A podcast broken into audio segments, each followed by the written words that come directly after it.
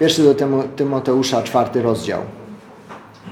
A Duch otwarcie mówi, że w czasach ostatecznych niektórzy odstąpią, odstąpią od wiary, dając posłuch zwodniczym duchom i naukom demonów, mówiąc kłamstwo w obłudzie, mając napiętnowane sumienie, zabraniając wstępować w związki małżeńskie, nakazując powstrzymywać się od pokarmów, które Bóg stworzył, aby je, przyjmowano z aby je przyjmowali z dziękczynieniem wierzący i ci, którzy poznali prawdę. A wszelkie bowiem stworzenie Boże jest dobre i nie należy y, odrzucać niczego, co jest przyjmowane z dziękczynieniem. Uświęcone bowiem zostaje przez Słowo Boże i modlitwę. Przedkładając to braciom, będziesz dobrym sługą Chrystusa Jezusa, wykarmionym słowami wiary i dobrej nauki, y, na którą, za którą poszedłeś. Odrzucaj natomiast pospolite i babskie baśnie. E, sam zaś ćwicz się w pobożności. Ćwiczenie cielesne bowiem przynosi niewiele pożytku, lecz pobożność do wszelkiego jest, y, do wszystkiego jest przydatna, gdyż zawiera obietnicę życia obecnego i przyszłego. Wiarygodne to słowa i godne całkowitego przyjęcia. Dlatego pracujemy i jesteśmy lżeni, bo pokładamy nadzieję w Bogu żywym, który jest Zbawicielem wszystkich ludzi, zwłaszcza wierzących. To nakazuj i tego nauczaj. Niech nikt nie, nikt, niech nikt nie lekceważy Twego młodego wieku, lecz bądź dla wierzących przykładem w mowie, w postępowaniu, w miłości, w duchu, w wierze, w czystości. Dopóki nie przyjdę, pilnuj czytania, zachęcania i nauki. Nie zaniedbuj dary, który jest w Tobie, który został Ci dany przez proroctwo wraz z nałożeniem rąk starszych. O tym rozmyślaj, temu się oddawaj, aby Twoje postępy były widoczne dla wszystkich. Pilnuj samego siebie i nauki, trwaj w tych rzeczach, bo to czyniąc i, siebie same, i samego siebie zbawisz i tych, którzy Cię słuchają. I muszę powiedzieć, że jakbym chciał zaaranżować, żeby ktoś zrobił jakiś wstęp do tego, co chcę mówić, to bym tego lepiej nie zrobił niż zrobił to Duch Święty przez braci, którzy e, usługiwali przede mną to, co Andrzej i brat Bolek czytali, to były no, dokładnie to, co, co chciałbym, albo nawet jeszcze, jeszcze lepiej. To, to, czego bym nawet sam nie do końca tak ujął, oni to tak ujęli. Nasze zbawienie w żaden sposób nie zależy od uczynków. Jeżeli ktoś zaczyna coś dokładać do Ewangelii, do zbawienia, no to to jest tak, jak to już też brat mówił. Mamy coś doskonałego, coś, coś co działa i teraz zaczynamy coś do tego dokładać. No spróbujmy na przykład, nie wiem, mamy działający silnik i spróbujmy gdzieś tam w jakieś przypadkowe miejsce dołożyć jakąś jedną śrubkę albo coś. I zobaczmy, jak daleko pojedziemy. Zbawienie jest darem i przyjmujemy je, przyjmujemy je takie, jakie ono jest. Musimy je takie przyjąć, bo tylko takie jest. Nie ma innego. Nie ma możliwości przyjęcia e, go na naszych warunkach. Że ja przyjmę tylko tam 35% z tego, bo to mi pasuje, ale reszty nie. Albo ja tak, ale ja coś do tego jeszcze dołożę. Czyli co? Czyli zbawienie, czyli Ewangelia, którą usłyszałeś, prawdziwe Boże Słowo zawarte w Biblii jest dla Ciebie za mało, za dużo?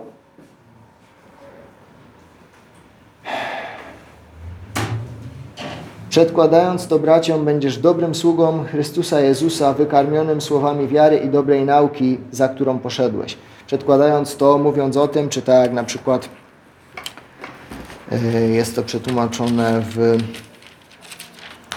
w Biblii Warszawskiej, gdy tego będziesz nauczał, będziesz dobrym sługą Chrystusa Jezusa, wykarmionym na słowach wiary i dobrej nauki, za którą poszedłeś. Czyli e, nauczając tego, co było w tych wcześniejszych wersetach, że każde dodanie do e, Bożego Słowa, jest tak, też to tu brat powiedział, to jest świętokradztwo.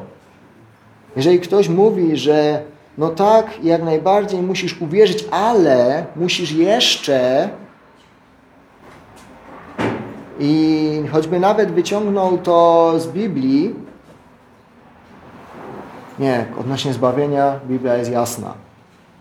Owszem, Biblia mówiła, że e, Izraelici mieli nie spożywać pewnych pokarmów. Ale kontekst. Dla nas zbawienie, zresztą zbawienie zawsze było darmo z łaski. Jeżeli by zbawienie zależało od uczynków, nikt by nie był zbawiony. Popatrzcie na e, Adama i Ewę, pierwsi ludzie. Można powiedzieć najbliżsi ideału. No ci stworzeni bezpośrednio przez Boga i żyli w praktycznie idealnym środowisku. Oni no, nie byli wystawieni na takie rzeczy, na które my jesteśmy dzisiaj wystawiani. Można powiedzieć, mieli dużo łatwiej. Bo jedna rzecz. Tego jednego wam nie wolno. I co zrobili? No właśnie to. Ale Paweł mówi Tymoteuszowi, że jeżeli będziesz tego nauczał, czyli to, że zbawienie jest darmo z łaski, że nie można nic dodać, nie można nic ująć z Ewangelii. Na innym miejscu Paweł e, bodajże mówił, że jeżeli by nawet anioł z nieba głosił wam Ewangelię inną niż nasza, niż tę, którą przyjęliście, niech będzie przeklęty. Odrzucaj natomiast pospolite i babskie baśnie, sam zaś ćwicz się w pobożności. To jest to słowo, te babskie baśnie, no, może brzmi yy, nieciekawie, zwłaszcza w, dzisiejszych, w dzisiejszym kulturze. No, niedobrze jest mówić, że jakakolwiek grupa, czy to płeć, robi coś złego, bo to już jest wtedy jakiś tam izm ale to, był, to było słowo, które e, było zrozumiałe w tamtych czasach, to był pewien idiom. On określał takie rozważania, które były akurat przypisywane w tamtej kulturze starszym kobietom, które filozofowały na różne tematy, nie mając jakby wykształcenia po temu. E, I to funkcjonuje taki idiom, ale e, to nie jest domena ani żadnej grupy wiekowej, ani żadnej płci. Niestety często coś takiego jest domeną chrześcijan. E, wiele rozmów na tematy, powiedziałbym w pewien sposób parachrześcijańskie. Takie paralelne, równoległe do chrześcijaństwa. Wiecie, z, yy, no, yy, równoległość jest pewną też koncepcją, jeżeli mówimy o takiej prostej geometrii. Dwie linie, które idą w jednym kierunku, w nieskończoność i zawsze idą w jednym kierunku i zawsze są tak samo od siebie oddalone, one się nigdy nie zejdą. Coś, co no, praktycznie nie istnieje w rzeczywistości bo nie mamy nieskończonej płaszczyzny, po której mogłyby sobie dwie linie iść. I czasami mam wrażenie, że pewne rozmowy w kręgach chrześcijańskich właśnie idą w taki sposób. Zaczyna się od rozmów na chrześcijańskie tematy. Ale w tych rozmowach na ogół brakuje jednej rzeczy. Osadzenia w Biblii. Są dyskusje na tym, czy zbawienie jest utracalne, nieutracalne, kiedy będzie pochwycenie i tak dalej, i tak dalej, co można, czego nie można, który dzień święcić. Rzeczy, które, o których Biblia mówi, w których nie zawsze daje e, taki stuprocentowy, że ka, e, e stuprocentowe e, jednoznaczną odpowiedź. Są wersety, które można, mogą wziąć e, jakby jedna strona, inna strona użyje innych wersetów, żeby, żeby zaprzeczyć. To często też nie są e, zagadnienia, które są pierwszoplanowe, które decydują o naszym zbawieniu. Ale one niestety e, powodują bardzo dużo takich pustych rozmów. I później są wersety na to. Ale nawet później już się do tych wersetów nie sięga, bo ten też tak uważa, a ten, a ten też tak, a ten nawet kazanie na ten temat mówił i, i, i on mówił, on mówił, on mówiła, albo e, takie wzajemne przytakiwanie sobie, albo przerzucanie się e, argumentami, a nie ja wiem lepiej, a nie, bo ty nie wiesz, bo jeszcze ten werset. Jeżeli są wersety oczywiście. I te dyskusje mogą się nie kończyć. Tak już tu też było powiedziane o, e, w tym liście o niekończących się rodowodach. W innym miejscu jest powiedziane, że nie bądźcie, złe rozmowy psują dobre obyczaje. I złe rozmowy na ogół nie, nie identyfikujemy z czymś, jak rozmawiamy przecież o, no my, my o chrześcijańskie, my na chrześcijańskie tematy rozmawiamy. Jak to złe rozmowy? Możecie sobie popatrzeć w internecie, jak chrześcijanie potrafią rozmawiać na chrześcijańskie tematy. Zawsze jest tak, że jeśli rozmawiamy y, twarzą w twarz, to jeszcze jakoś tam się hamujemy. W internecie już tego nie ma. I tak jak kiedyś wszedłem na jakieś fora chrześcijańskie, gdyby nie to, że wiedziałem, że to są fora chrześcijańskie i, i gdzieś tam pewne wyrazy się przewijały, to bym się nie domyślił, że to chrześcijanie dyskutowali. A to były tylko pospolite, pospolite baśnie, pospo, pospolite, czyli przeciwieństwo tego, co święte. Albo coś jest święte, albo jest pospolite. Były może dyskusje na tematy, które wydawałyby się chrześcijańskie, ale słowo klucz wydawałyby się, bo te dyskusje nie były chrześcijańskie. Te dyskusje nie przynosiły nikomu żadnego pożytku.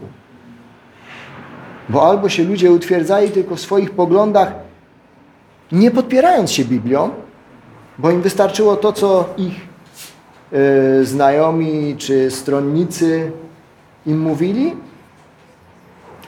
Albo, albo się tylko kłócili i tracili czas, potem tracili cierpliwość, nerwy, potem opanowanie w języku, a potem czasami tracili braci, kontakt z nimi. Odrzucaj natomiast, czy jak to tutaj y, mówi y, Biblia Warszawska, a i babskich podobnie, baśni unikaj, ćwicz się natomiast w pobożności Można porozmawiać na pewne tematy. Jeżeli rozmawiamy na tematy chrześcijańskie, to mamy fundament, który to się musi opierać. To nie może wyrastać w powietrzu. To musi być oparte na Biblii. A jeżeli, jeżeli rozmawiamy na jakiś chrześcijański temat, a nie opieramy tego na Biblii, no to, to na czym to opieramy? Czy budujemy jakąś swoją naukę? Czy zaczynamy spisywać jakąś swoją własną mitologię? Ćwicz się natomiast w pobożności.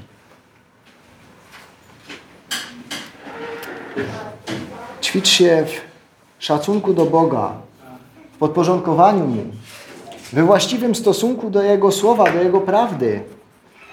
Ćwicz się w tym, żebyś tego nie robił, o czym było mówione wcześniej. Żebyś szanował całe pismo. Wiecie, e, manna jest świetnym obrazem Bożego Słowa. Słowo Boże jest powiedziane, że Słowo Boże jest jak miód i manna też na początku smakowała Izraelitom jak placek z miodem. Ale niestety później im spowszedniała i smakowała im jak placek na oliwie. Wiecie, no może jakbyście jedli taki placek na oliwie pierwszy raz, coś, coś nowego, no ciekawy smak, fajnie, a tam tego smaku za dużo nie ma. W pewnym czasie, matko, znowu ta tektura, jejku, jakbym styropian jadł. Przecież ja wiem, jak to smakuje, ja już nie mogę, to nie, nie mogę patrzeć na ten nędzny pokarm, dajcie mi cząstku. Ćwicz się w pobożności. Jaki jest Twój stosunek do Bożego Słowa? Czy Ty masz do Niego szacunek? Czy potrafisz się tym Bożym Słowem zachwycić? Czy Ty już się go tak przejadłeś, że mówisz o tym, jak no Izraelici przeszli przez Morze Czerwone. No przecież zawsze przechodzą przez to Morze Czerwone, dobrze. I dalej wszyscy znamy tą historię. Czyli już, czyli mówisz po prostu otwarcie, że w zasadzie wiecie, nie ma sensu nawet o tym mówić. Czy taki ma być nasz stosunek do Bożego Słowa? Ja, y, Tomek to wie i ci, którzy mnie znają też to wiedzą, że y, kiedyś mi na to zwrócił uwagę jeden brat i naprawdę to się mocno wbiło do mojego serca. Jak stoisz na kazalnicy albo mówisz komuś, nigdy nie mów, wszyscy znamy tą historię, bo deprecjonujesz słowo. Bo mówisz innymi słowami. Wiesz, na, na, nie warto tego nawet wspominać. Nie? Przejdźmy sobie tak, śliźnijmy się po powierzchni jak łyżwiarz na lodzie. Dla mnie jedną z bardzo cennych rzeczy tutaj w zborze, wiecie, ja wyrosłem w zborze, gdzie większość ludzi była już którąś tam generacją. I ja sam nawet, będąc dużo młodszy niż jestem teraz, mógłbym całkiem szczerze powiedzieć, że każdą jedną historię z Biblii jakoś tam kiedyś słyszałem. Wiadomo, nie potrafiłbym powiedzieć dokładnie o co chodzi, zacytować, ale ktoś tam czytał Zasza, czy tam o jakimś królu. No tak, tu dziadek mówił, tu któryś wujek. Tak, wiem, znam. To nawet było dla mnie kiedyś takim, takim problemem, czy takim czymś, czymś, co było dla mnie trudne, bo słuchałem kiedyś e, w radiu CCM była taka audycja Wyzwolony, tam były świadectwa ludzi, którzy się nawrócili, wiele z nich było takich spektakularnych. Ci ludzie no, żyli w taki sposób, no lepiej może czasami nie mówić, i usłyszeli Boże Słowo i to Boże Słowo ich tak dotknęło. Oni to pierwszy raz usłyszeli, zetknęli się z tym jak zderzenie ze ścianą i to zmieniło ich życie. No a ja słyszałem to, tamto, Stary Testament, Nowy Testament, tak w zasadzie moje życie się nigdy nie zmieniło. I byłem sobie, byłem, siedziałem sobie na tym krześle w zborze. No, byłem dość grzecznym dzieckiem. Chodziłem na szkółkę, uczyłem się wersetów. Jak, jak y, mieliśmy mówić jakieś wersety, to mówiłem i tak dalej. Ale wiedziałem jedno, że jeżeli by się tak zdarzyło, żebym umarł, to nie jestem zbawiony. To pójdę do piekła. I nie pomoże to, że yy, mój dziadek, babcia, ciocia, wujek, mama, tata, że wszyscy byli zbawieni. No bo Biblia pokazuje jasno, że Bóg ma dzieci, nie ma wnuków. A w moim sercu wtedy jeszcze nie zaszła żadna zmiana.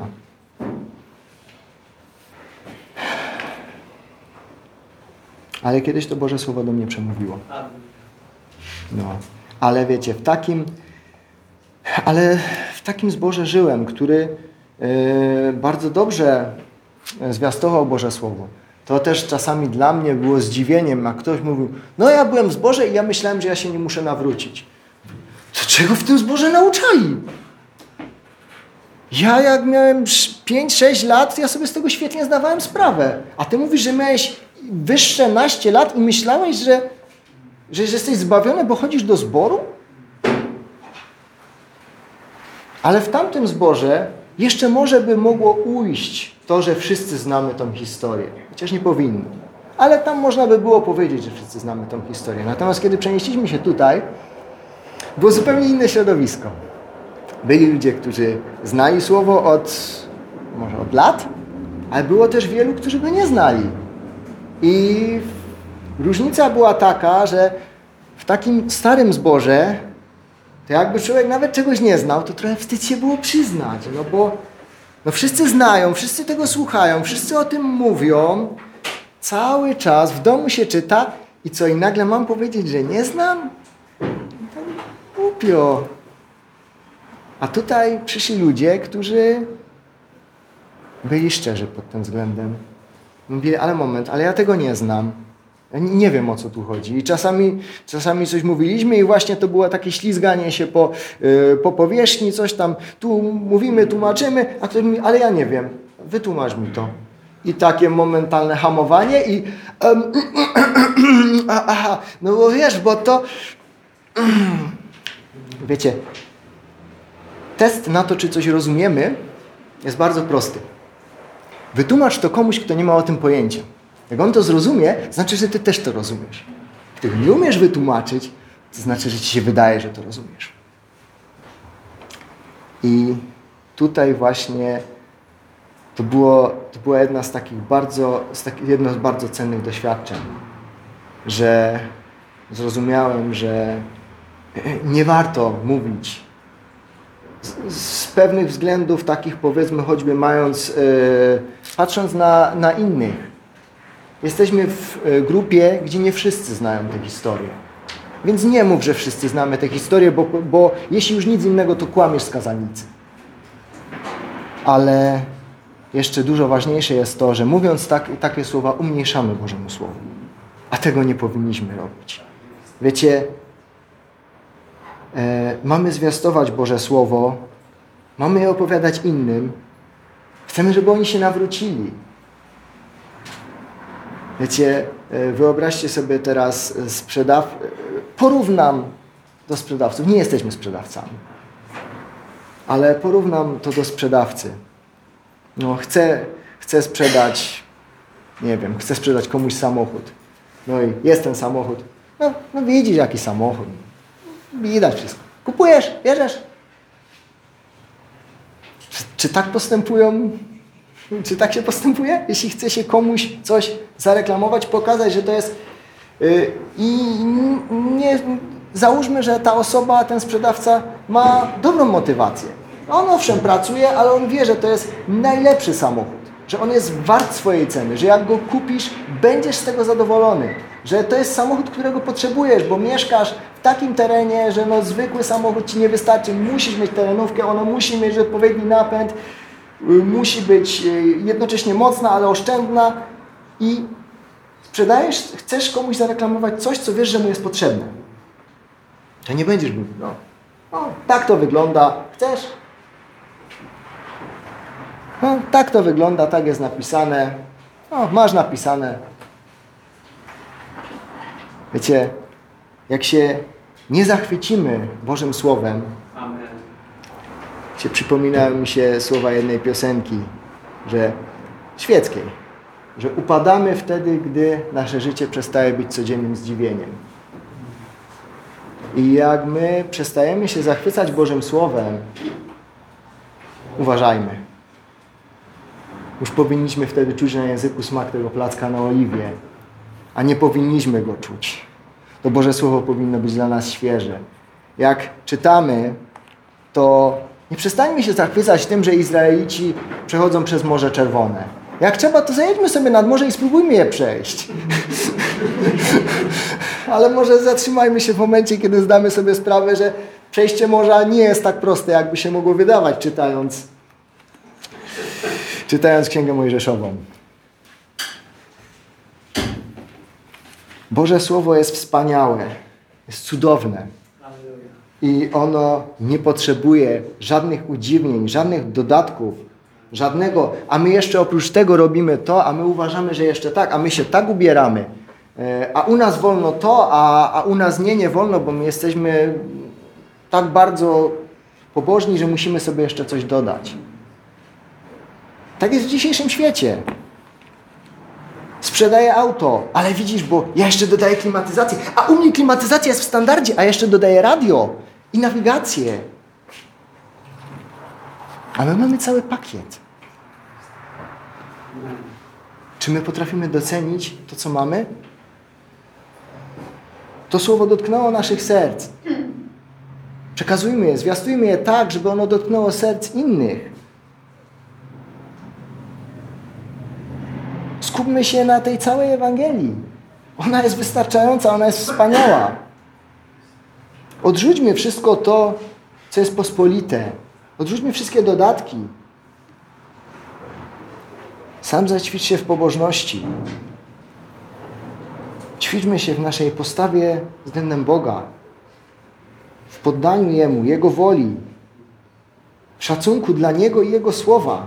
Jak będziemy szanować Jego słowo, to ono nie stanie się dla nas takie codzienne, takie bez smaku. Ono będzie dla nas słodkie. Ale ćwicz się w pobożności. Cały czas. Wiecie, jak zacząłem się trochę interesować piłką nożną, jak e, słuchać, czytać, ile e, ci ludzie potrafią poświęcić czasu, żeby osiągnąć taką formę, jaką mają. Po co? Żeby przez jakiś czas ktoś o nich mówił? Żeby, po, żeby w wieku 35 lat przejść na emeryturę? Może jeszcze trochę po nich porozmawiają. Ale czy ktoś później o nich pamięta? Pytanie dla Was. Czy ktoś wie, kto to jest Bert Trautmann? Myślę, że nikt nie wie. Jeden z najlepszych bramkarzy, chyba pierwszy bramkarz, który został wybrany piłkarzem roku w Anglii. Nazista, który dostał się do obozu i który później już pozostał w Anglii. Yy, nie, nie mówię, że się nawrócił. Nie, ale po prostu został w Anglii, był piłkarzem. Yy, jednego razu prawie zginął na boisku. Jak później po drugim yy, wygrali, nie wiem czy to była, to byłby odpowiednik dzisiejszej Premier League. Wtedy, wtedy wygrali. Jak później po, doznał pewnej kontuzji, stracił przytomność prawie, wtedy nie, nie można było, żeby zszedł z boiska, żeby był... Wtedy nie było substytucji. Była jedenastka. Jakby zszedł, no to ktoś inny musiałby wejść na bramkę, oni by grali w dziewięciu na, na polu. Nie, został. Obronił jeszcze dwa gole, po drugim znowu stracił przytomność prawie. No, później dostali te medale, coś tam zbadali go, jakaś tam była diagnoza, okazało się, że błędna. Druga diagnoza wykazała, że ma wybite pięć kręgów szyjnych, a jeden miał rozpadnięty na pół. I przeżył dlatego tylko, że ten drugi krąg rozpadnięty został zaklinowany przez trzeci. No niesamowita historia, świetny człowiek, świetny bramkarz. No, to, że yy, ktoś o takich, takim pochodzeniu, nie, takiej historii, on później dostał jakieś tam medale od królowej i tak dalej. Ktoś, że ktoś z, takim, z taką przeszłością doszedł do, tego, do takiego miejsca, niesamowite. Ale widzicie, dzisiaj ja się trochę zainteresowałem jego postacią, ja wiem, kim on jest, wy o nim nie wiecie. I większość, większość o tym nie wie, chociaż może był jednym z najlepszych bramkarzy, przynajmniej w swoich czasach. A ćwiczenie cielesne bowiem przynosi niewiele pożytku, jakiś przynosi, ale jest go niewiele, jest on czasowy. Lecz pobożność do wszystkiego jest przydatna, gdyż zawiera obietnicę życia obecnego i przyszłego. I jeżeli Bóg wejdzie w nasze życie, jeżeli będziemy się ćwiczyć w pobożności, wiecie, pobożność ma, to ćwiczenie w pobożności ma jeszcze taką jedną wspaniałą cechę. Że ćwiczenie fizyczne często powoduje kontuzję. A no jeszcze nie słyszałem, żeby ktoś ćwicząc się w pobożności doznał z tego powodu kontuzji. Natomiast wiele razy słyszałem, że to uratowało życie ludziom. Bo nie zrobili pewnych rzeczy, bo nie poszli w pewne miejsca, bo nie podjęli pewnych złych decyzji, bo się zatrzymali. No, tak, to kiedyś powiedział Gomułka. Staliśmy nad przepaścią, ale udało nam się zrobić krok w przód. tak, świetnie. Ci ludzie Czyli ćwiczyli się w pobożności, nieraz też stali nad przepaścią. Ale to ćwiczenie w pobożności ich zatrzymało. To, że poznali Boga, pozwoliło im odwrócić się o 180 stopni i iść ku życiu, nie ku śmierci. Ćwiczenie cielesne przynosi pewien pożytek. I warto jest też w jakiś sposób się ćwiczyć, żeby nasze ciało było zdrowe, żebyśmy mogli służyć Panu. Paweł to nie był ktoś, kto y, męczył się po godzinie marszu. Niektórzy tam płynęli statkiem, a on przyszedł lądem. Mógł płynąć statkiem. A nie, on przyszedł lądem, bo jeszcze chciał yy, pewnie rozmawiać z ludźmi, głosić tym po drodze. Także ćwiczenie cielesne też ma swoje, ma swoje miejsce. Ale o wiele ważniejsze jest ćwiczenie się w pobożności. Ono zawiera obietnicę życia obecnego i przyszłego. I Paweł mówi, wiarygodne to słowa i, yy, i godne całkowitego przyjęcia. I to już jest trzeci raz, kiedy te słowa padają yy, w tym liście. Pierwszy to jest yy, pierwszy werset trzeciego rozdziału i piętnasty werset pierwszego rozdziału. I dalej Paweł mówi, dlatego pracujemy i jesteśmy lżeni, czy mm, yy, gdyż trudzimy się i walczymy, dlatego że pokładamy nadzieję w Bogu żywym, który jest Zbawicielem wszystkich ludzi, zwłaszcza wierzących. Położyliśmy nadzieję w żywym Bogu. Nie, e, nie w Bogu, który jest ze złota, ze srebra, z kamienia. Nie w Bogu, któremu trzeba służyć w ten czy inny sposób, a On może, jak złożymy wystarczająco dużo ofiary, to coś zrobi ale położyliśmy nadzieję w żywym Bogu, który już coś zrobił, który dokonał wspaniałego, doskonałego dzieła, który już nas zbawił, któremu nie musieliśmy złożyć jakiejś ofiary, żeby stać się godnymi, który wręcz mówi nie, byliście martwi. Znaczy, no, martwy człowiek to jest dość mocna ilustracja. Martwy to znaczy taki, który już nie? Brat, brat mówił, że choćby się miał przyczołgać na, na chrzest, to przyjdzie, nie? No a żeby się przyczołgać, musisz żyć, nie? A tutaj Biblia mówi, że byliśmy martwi. Że nie byliśmy w stanie nic zrobić, żeby zmienić nasze położenie. Martwy też nie jest w stanie nic zrobić, żeby zmienić swoje położenie. Żeby martwy zmienił swoje położenie, to żywi go muszą przenieść. Ale jak już jest martwy, to już może go przeniosą, ale już mu nic nie pomogą. A Bóg był w stanie nam pomóc, mimo że byliśmy duchowo martwi. I pracujemy, jesteśmy lżeni, czy trudzimy się, bo, po, bo położyliśmy nadzieję w żywym Bogu. Jesteśmy tu na ziemi, gdzie rządzi książę tego świata. I on jest przeciwny Bogu i ten świat jeżeli będziemy chcieli iść za Bogiem, będzie nam przeciwny. Tak był przeciwny apostołowi Piotrowi, Pawłowi i wielu innym prorokom Starego Testamentu, uczniom Nowego Testamentu i tym, którzy przyszli po nich, tak będzie i nam przeciwny, jeżeli będziemy chcieli pracować dla naszego Zbawiciela. Ale położyliśmy nadzieję w Bogu żywym, wszechmocnym. W Bogu, który jest Zbawicielem wszystkich ludzi. On dla wszystkich przyniósł zbawienie, a zwłaszcza wierzących, bo oni to przyjęli. Niektórzy, są niektóre doktryny o jakimś tam ograniczonym zbawieniu. Wszechmocny Bóg dał zbawienie wszystkim.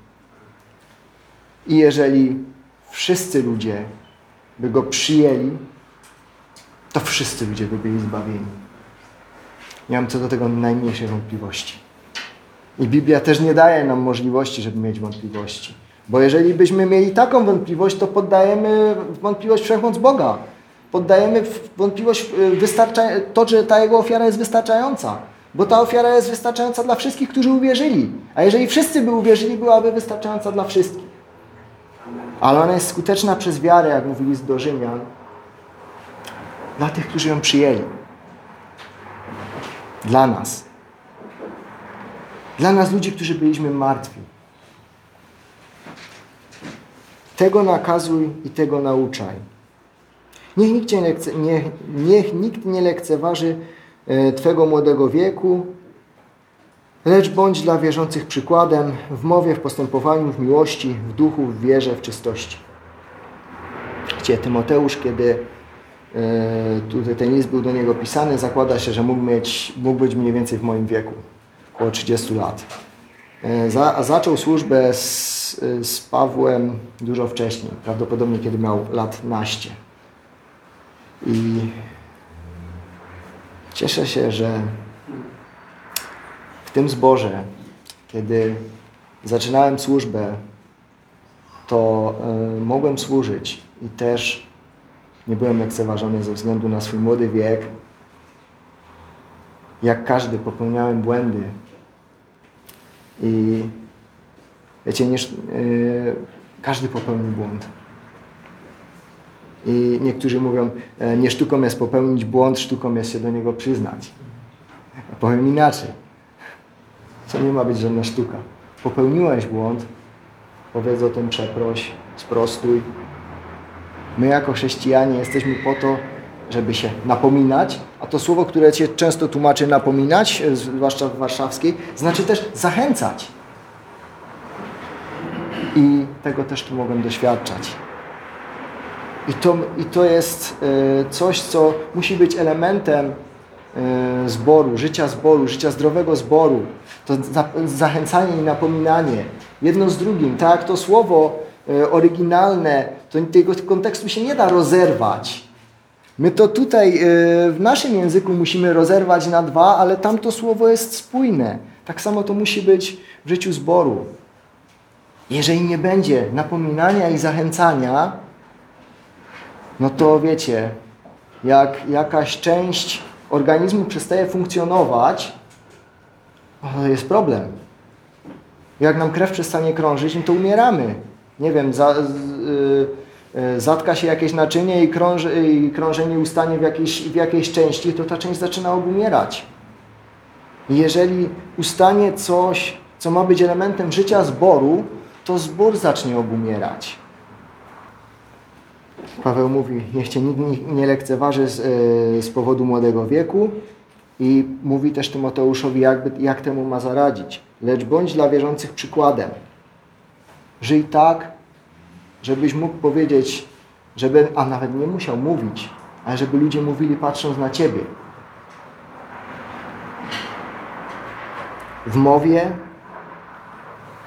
to co już też tu mówiłem, zwracajmy uwagę na to, co mówimy, jak mówimy, by nasza mowa zawsze była osolona, aby nasza mowa nie zawierała zgnilizny, aby źródła naszego usta wydawały słodką wodę, jak Jakub bodajże mówi. Źródło nie może wydawać i słonej, i słodkiej wody. W mowie, w postępowaniu, w miłości? Czy ta miłość jest widoczna w naszym życiu? Czy potrafimy o niej dużo ładnie mówić, opisywać, ale kiedy ludzie są wokół nas, to czy jej doświadczają? Czy kochamy ludzi tylko słowami? Czy potrafimy rzeczywiście być tymi, którzy transmitują tę Bożą miłość dalej. W duchu. Tego, e, tego akurat e, słowa nie ma w niektórych przekładach. E, on jest w UBG, nie ma go w warszawskiej i wielu innych nie ma. Myślę, że szkoda trochę, ale tutaj jest. Wiecie, kiedy kiedy słuchałem braci przede mną, to właśnie tak, mi, tak, tak to do mnie, tak, to jest ten duch. Kiedy bracia wychodzą i widać, że mają gorące serca, że są pełni tego ducha, że oni mówią Boże, o Bożym Słowie, oni mówią o zbawieniu, jakie ono jest wspaniałe, że ono jest z łaski, że nic się nie da do niego dodać, że ono jest pełne, kompletne. To jest według mnie przykład w tej dziedzinie. Różnie ludzie interpretują działanie ducha w dzisiejszych zborach. Ja trwam na stanowisku, że tak to Paweł pisał do Koryntian, że w zborze ma panować porządek i duch może się manifestować dalej w wierze, czystości. W tym wszystkim Tymoteusz ma być przykładem. Żeby go nikt nie lekceważył ze względu na młody wiek. Bo jeżeli tak będzie postępować, jak ktoś go będzie lekceważył ze względu na młody wiek, to szybko się okaże, kto ma właściwe świadectwo. Ten, kto go lekceważy, czy Tymoteusz? Tak samo w naszym, e, w naszym życiu.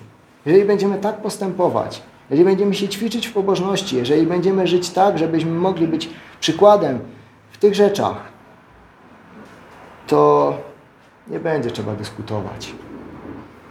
A jeżeli do jakiejś dyskusji dojdzie, to fakty się obronią same. Dopóki nie przyjdę, pilnuj czytania, zachęcania i nauki. Czytania Bożego Słowa.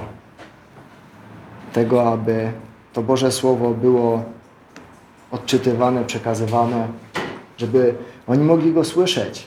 W tamtym, w tamtym czasie, wiecie, to nie było tak jak dzisiaj, że e, mam sobie dwie Biblie, a w domu mam jeszcze osiem, a na komórce mam dostęp do 120 przekładów, jakbym znał różne języki. A nawet znając angielski mam może do kilkudziesięciu dostęp. Oni nie mieli takiego dostępu. Oni przychodzili do, do zboru i tam czytali. Bo to może była jedyna, jedyna kopia jakiegoś tam listu albo jakiś ksiąg Starego Testamentu, do której w ogóle mieli dostęp. Ceńmy sobie to, co mamy. Pilnuj czytania, zachęcania tego, o czym już mówiłem. Zachęcania i napominania. Zachęcajmy się, żeby trwać w tym, co dobre. Jak widzimy, że coś jest złego w życiu brata, siostry, napominajmy go tak, jak mówi Biblia. Najpierw bezpośrednio wysłuchajmy, co się dzieje. Bo może jest jakiś problem, o którym nie wiemy. Łatwo jest powiedzieć, oj bracie, ja widzę, że ty no, no niedobrze z twoim życiem. Nie wiedząc, z czym się zmaga brat czy siostra. Taka postawa nie jest dobra. To nie jest napominanie w biblijnym sensie. Ale to, że to jest trudne, to, że to jest dzisiaj niepopularne, no bo dzisiaj w dzisiejszej kulturze niedobrze jest ludziom mówić, że coś źle robią. To jest źle widziane. To się tobie wydaje, że źle. Według mnie to jest dobre. Przecież to, czy to jest dobre, zależy tylko i wyłącznie od mojego punktu widzenia. Jak uważam, że to jest dobre, to to jest dobre i koniec. A tobie nic do tego, to jest moje życie. Nie, tak nie wygląda dzisiejszy zbór. Dlatego też yy, będzie, yy, będzie nam trudno, bo będziemy musieli ludziom powiedzieć nie. Dobre czy złe nie zależy od tego, co ty uważasz. Dobro i zło jest jasno zdefiniowane. I czasami może możemy się nie spotkać z za dobrym przyjęciem tego, jeśli kogoś napomnimy. Ważne jest, abyśmy zrobili to w Boży sposób. Są ludzie, którzy jest, jest ten dar napominania wymieniony w Biblii. I ludzie, którzy mają ten dar, powinni go używać. Ale ci, którzy tego daru nie mają, to nie jest powiedziane, a wy jesteście z napominania zwolnieni. Nie. Jakbyś widział, że e, twój brat wpadł do rzeki i tonie, no a nie jesteś ratownikiem, to co, to no, ja nie mam daru wyciągania z rzeki, to ja ci nie pomogę, nie? Logiczne. Nie? A widzisz, że twój brat ma inny jakiś problem, to nie zatrzymasz się, żeby mu pomóc? Jeżeli chcesz go zbesztać, to się zastanów, co, ty, co chcesz zrobić. Ale Biblia pokazuje w innych miejscach, dzisiaj nie będę tutaj o tym mówił, jak mamy napominać. Warty temat do, do studiowania, warto sobie go co jakiś czas przypominać.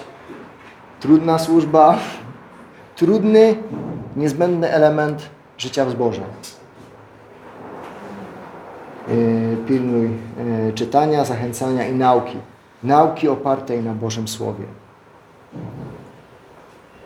Nie zaniedbuj daru, który jest w Tobie, który został Ci dany przez proroctwo wraz z nałożeniem rąk starszych. O Tymoteuszu zostało, zostało powiedziane proroctwo, że ten dar otrzyma. No, prawdopodobnie to był y, dar właśnie nauczania i kaznodziejstwa.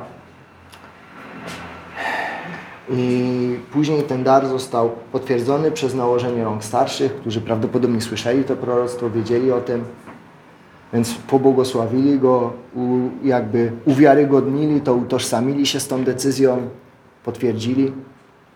Ale ten dar został dany przez Boga Tymoteuszowi suwerennie. To nie ci starsi byli tym kanałem, który wyznaczył i, i, i, dał ten dar, bo w niektórych, w niektórych tłumaczeniach jest powiedziane przez nałożenie rąk starszych. No nie, ten dar nie został dany przez nałożenie rąk starszych, bo to by było tak, jakby oni mu dali dar.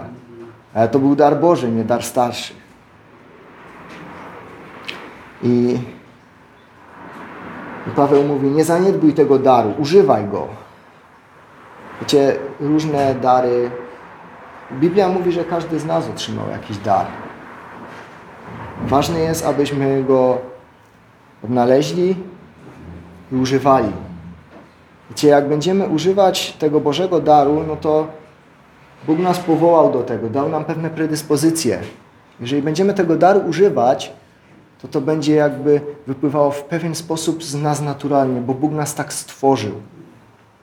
Jeżeli ktoś jest stworzony do biegania, jak na przykład, nie wiem, Usain Bolt, no to było coś, co robił świetnie, coś, co mu świetnie wychodziło. Natomiast jakby zaczął nie, ja będę podnosił ciężary. No to pewnie będzie podnosił ciężary i może jakby się długo, długo zmagał, to by zaczął odnosić jakieś sukcesy. Ale to by było wbrew temu, jakie miał predyspozycje. I tym gorzej jeszcze jest dla nas, jeżeli próbujemy postęp próbowalibyśmy postępować wbrew temu, co, nas, co nam Bóg darował. Wtedy, wtedy to nie jest tylko robienie czegoś, co nam nie za dobrze wychodzi, ale wręcz sprzeciwianie się Bożej woli. Bo skoro Bóg Cię powołał, żebyś był tym, a Ty nie, bo chcesz być tym drugim, no to moment. Zbór jest organizmem. Kościół jest organizmem.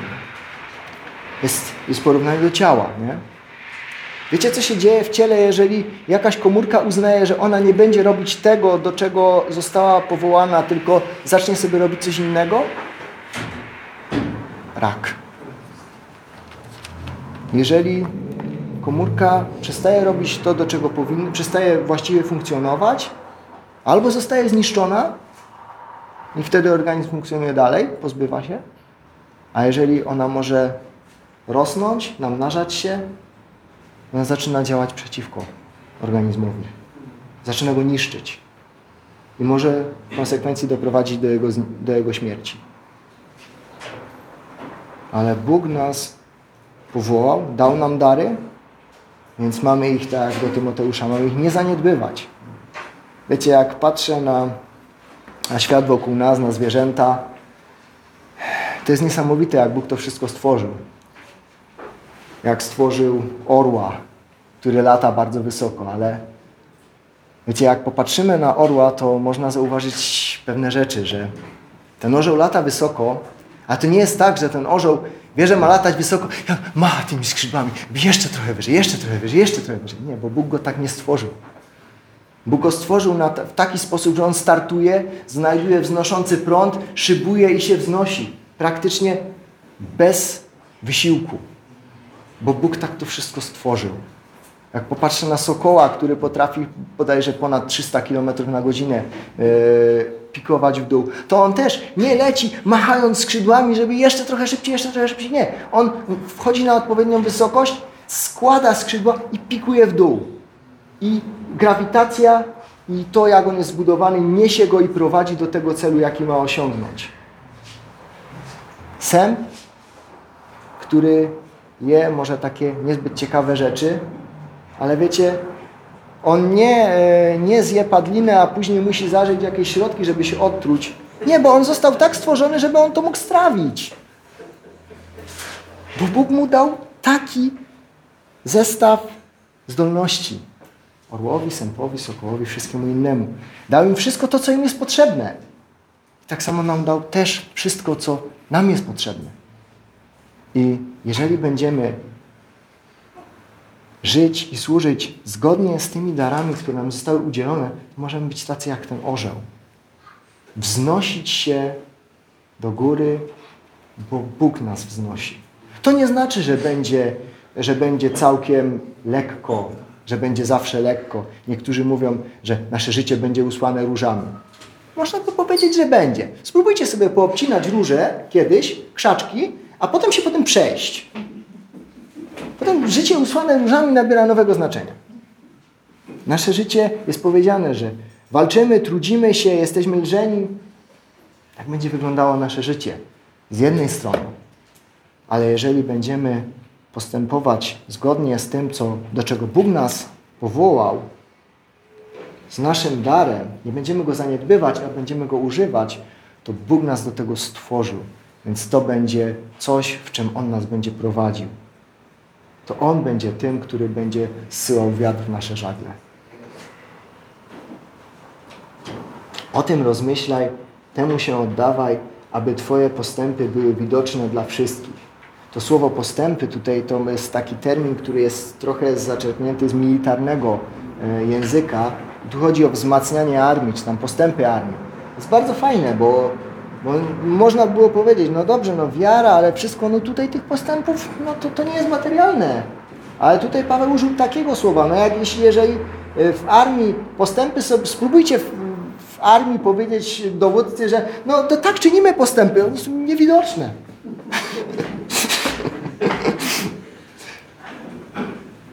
Nasze postępy mają być widoczne dla wszystkich.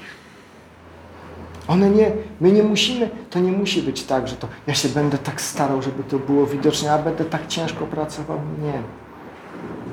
Bóg nas obdarował. Jeżeli będziemy tego daru używać, to On nam da siłę, On nas poprowadzi. Pilnuj samego siebie i nauki, trwaj w tych rzeczach, bo czyniąc to i samego siebie zbawisz i tych, yy, którzy Cię słuchają. I teraz zgrzyt, nie? Bo wcześniej było powiedziane, że zbawienie jest darmo z łaski, a teraz sam siebie zbawisz. Ale tutaj chodzi o w sensie bardziej zachowasz. E, po angielsku save znaczy też zachować, nie tylko zbawić. Tutaj e, Paweł mówi, zachowasz się od tego, o czym mówił wcześniej. Od tego kłamstwa, od tego umniejszania Bożemu Słowu, od tego przeinaczania Ewangelii, od tego e, bycia napiętnowanym w sumieniu, od nauki kłamców, od ich obłudy. Zachowasz siebie od tego, bo jeżeli będziesz się ćwiczył w pobożności, będziesz szanował Boże Słowo, będziesz je miał za coś cennego, ono będzie blisko Twojego serca, to ono Cię ochroni. A jeżeli będziesz tak czynił, będziesz tego nauczał, przekażesz tę postawę dalej, będziesz przykładem, za którym inni będą chcieli iść. Oczywiście naszym przykładem jest, jest Jezus, niedościgniony. Ale to nie znaczy, że no, skoro ja nigdy nie będę taki jak Pan Jezus, to nieważne jak żyję. To też była nauka gnostyków. Ciało jest złe, nieważne co robisz w ciele, ważne, żeby Twój duch był, był przy Bogu. No, twój duch jest w ciele, więc jeśli twoje, twoje ciało się y, szwenda po świecie, po różnych plugawych miejscach, to Twój duch nie jest w tym momencie oddzielony od Twojego ciała. A jeżeli będziesz przykładem, to zachowasz też innych, bo oni będą widzieć, jak Bóg, jak Duch działa w Twoim życiu i będą chcieli tego samego dla siebie. Będą chcieli, żeby ich serca też były gorące. Będą chcieli, żeby to Boże Słowo zawsze im smakowało jak placek z miodem. Oby teraz i za 30 lat i ile jeszcze Bóg tutaj da, na tym miejscu, ale i na każdym innym, wierzącym, zawsze Boże Słowo smakowało jak placek z miodem. Amen.